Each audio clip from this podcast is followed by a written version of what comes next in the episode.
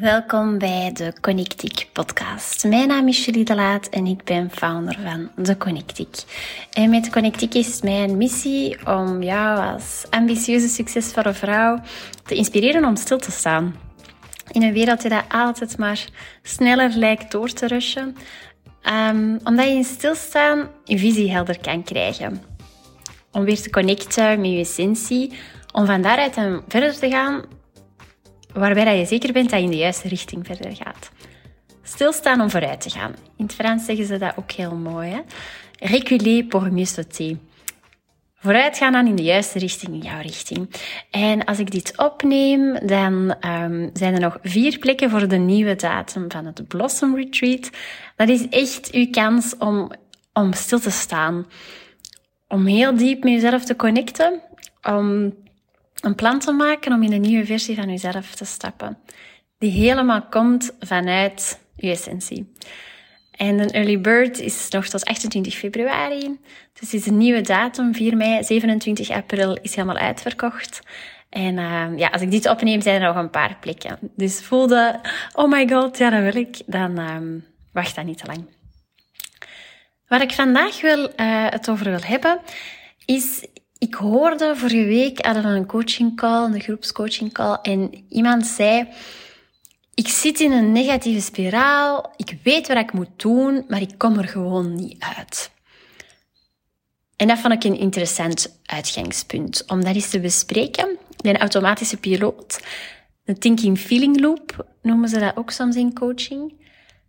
En dus die persoon die zei dan, en je wilt eigenlijk stilstaan, je wilt rusten. Die is toe aan rust in haar hoofd, omdat ze weet dat ze echt ja, impact wil maken, grootste dingen wil doen. Nu doet ze dat vanuit rush. Maar ze geraakt niet uit haar hoofd en ze krijgt die visie niet helder. En ze weet dat ze tijd mag maken om stil te staan, om te mediteren, te journalen, weet ik, weet ik wat allemaal. Maar het lukt gewoon niet. En dat is dus super interessant. Dus vandaag wil ik uh, u daarin mee um, nemen. Ik denk dat we dat allemaal wel eens hebben gehad. Hè? Dat je weet wat je moet doen, maar dat het gewoon niet lukt. Dus de thinking feeling loop gaan bespreken. Wat is dat? En ook, ja, hoe kunnen we eraan wel uitkomen? En die thinking feeling loop, dat is eigenlijk echt een patroon dat je vastzit in een automatische piloot. En je zit eigenlijk vast in je eigen denken. En daardoor ook in je eigen gevoel en daardoor ook in je systeem en dan houdt elkaar allemaal in stand. Ik kan een voorbeeldje geven, dat maakt het dikwijls gemakkelijker. Bijvoorbeeld, je wordt wakker. Je denkt onmiddellijk, ah, ik heb eigenlijk te weinig geslapen. Je checkt je mail, misschien zelfs nog in bed, op je gsm. En onmiddellijk triggert u dat en gaat in doom-modus. dus je lichaam, je systeem is eigenlijk geconditioneerd aan een bepaalde manier van denken, van voelen. En eigenlijk, terwijl dat je nog maar opstaat, terwijl je een telefoon pakt, voel je al onmiddellijk overweldigd. Door dat gevoel reageert je lichaam.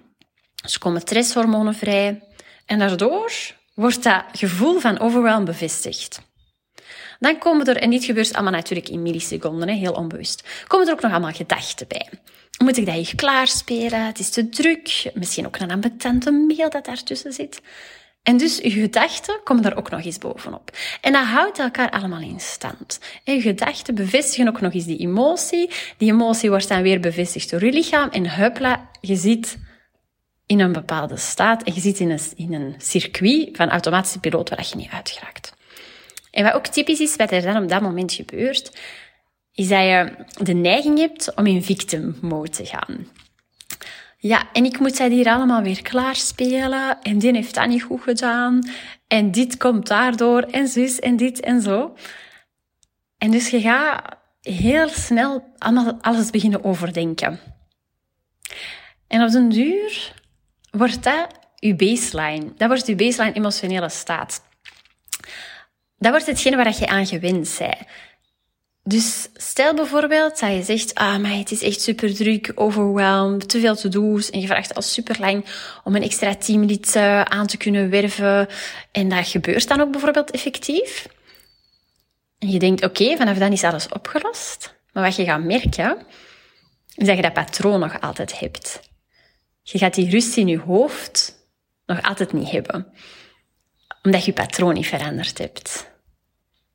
Je baseline is hetzelfde gebleven.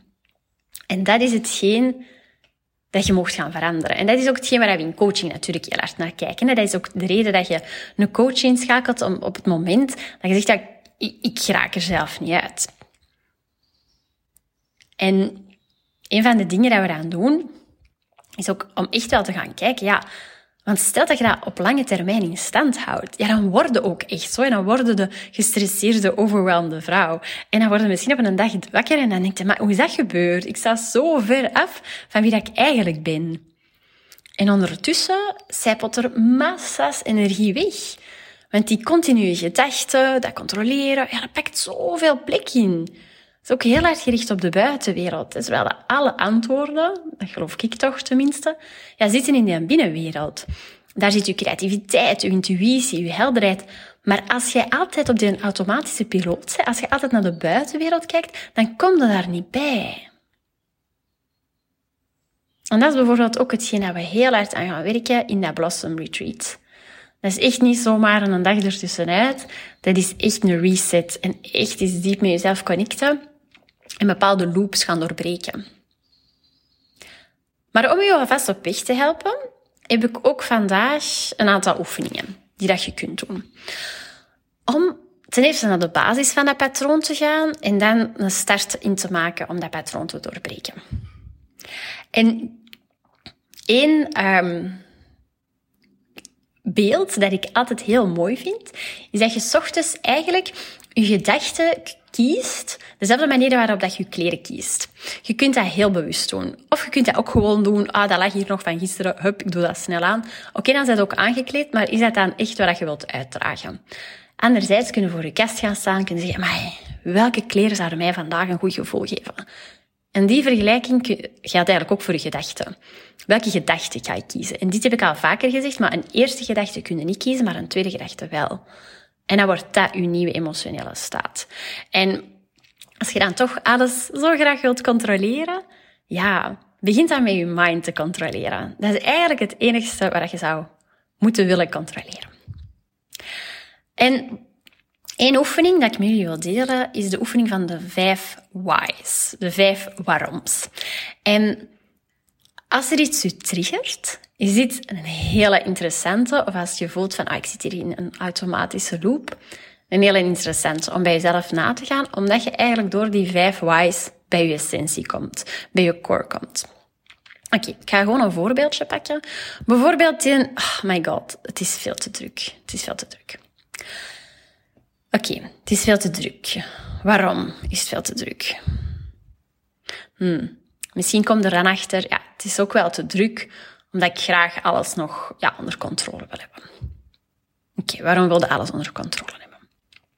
Ja, omdat als ik alles onder controle heb, of het gevoel heb dat ik alles onder controle heb, ja, dan weet ik tenminste zeker dat het goed is. Oké, waarom? Waarom is dat belangrijk? Ja, omdat ik geloof dat de enigste standaard is dat je altijd het beste doet, dat je altijd de beste bent. Oké, waarom? Waarom dat als ik dat niet doe, ben ik bang dat ik niet goed genoeg ben. Bijvoorbeeld. En dat is dan de antwoord op die vijfde waarom. Dat zijn eigenlijk je, je, core, je core belief. En dat is hetgeen waar je mee aan de slag mocht. Niet oppervlakkig, ah, het is te druk, ik moet delegeren, ik moet mijn agenda vrijmaken. Nee, echt de essentie. Het is druk, omdat ik dan het gevoel heb dat ik productief ben, omdat ik anders het gevoel heb dat ik ja, niet goed genoeg ben. Daar mogen we naartoe. Niet naar die oppervlakkige lagen.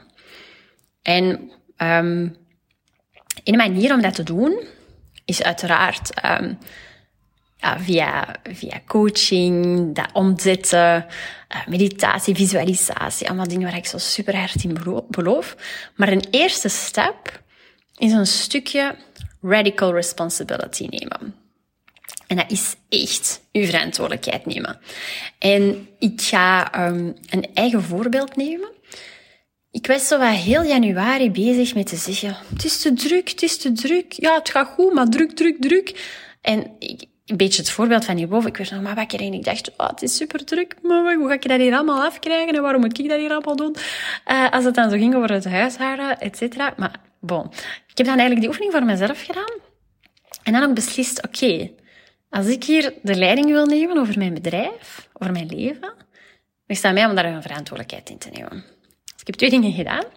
Ik heb uh, enerzijds geïnvesteerd in een jaaropleiding, omdat ik zelf nog wel wil bijleren. Een super interessante um, energiecoachingopleiding omdat ik voelde, oké, het is druk. Dat betekent dat ik ook naar een next level wil. Dat ik ook mijn coachings naar een next level wil tillen.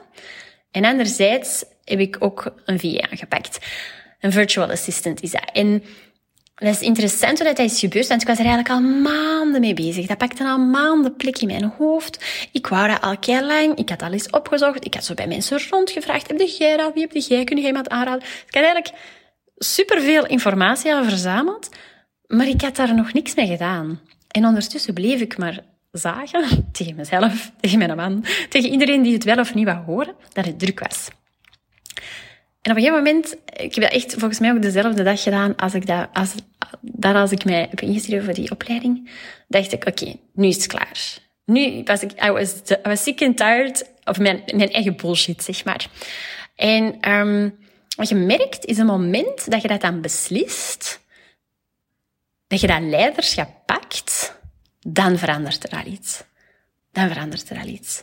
Want dan gaat je staan voor iets.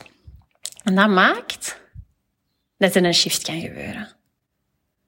En wil dat zeggen dat je dan heel dat loopje voor de rest van je leven hebt gehakt? Ja, nee. Maar je, moet, je mocht ergens beginnen. En dus de uitnodiging is ook heel erg om na deze, het luisteren van deze podcast is na te denken, oké, waar voel ik mij vastzitten? Kan ik die vijf why's erop toepassen? En welke actie, welke verantwoordelijkheid kan ik pakken? En dat kan iets kleins zijn. Hè? Bijvoorbeeld, als jij behoefte hebt aan rust, dan kan dat zijn een vakantie boeken, een dag vrij pakken, een dag voor jezelf inplannen. Dat kan zijn een teamlid aanwerven. Dat kan zijn um, inschrijven voor het Blossom Retreat. Er zijn nog vier plekken. Als je voelt van, ja, ik moet hier wel iets aan doen. Want je kunt niet blijven... Um, ja, in dat loopje zitten, daar energie aan geven en verwachten dat er iets verandert. Dus dat is heel erg de uitnodiging van deze podcast. Ik ben heel benieuwd naar uw inzicht, naar de actie dat je gaat pakken, de verantwoordelijkheid dat je pakt. En laat het mij dus zeker weten. En anders heel graag tot een volgende keer.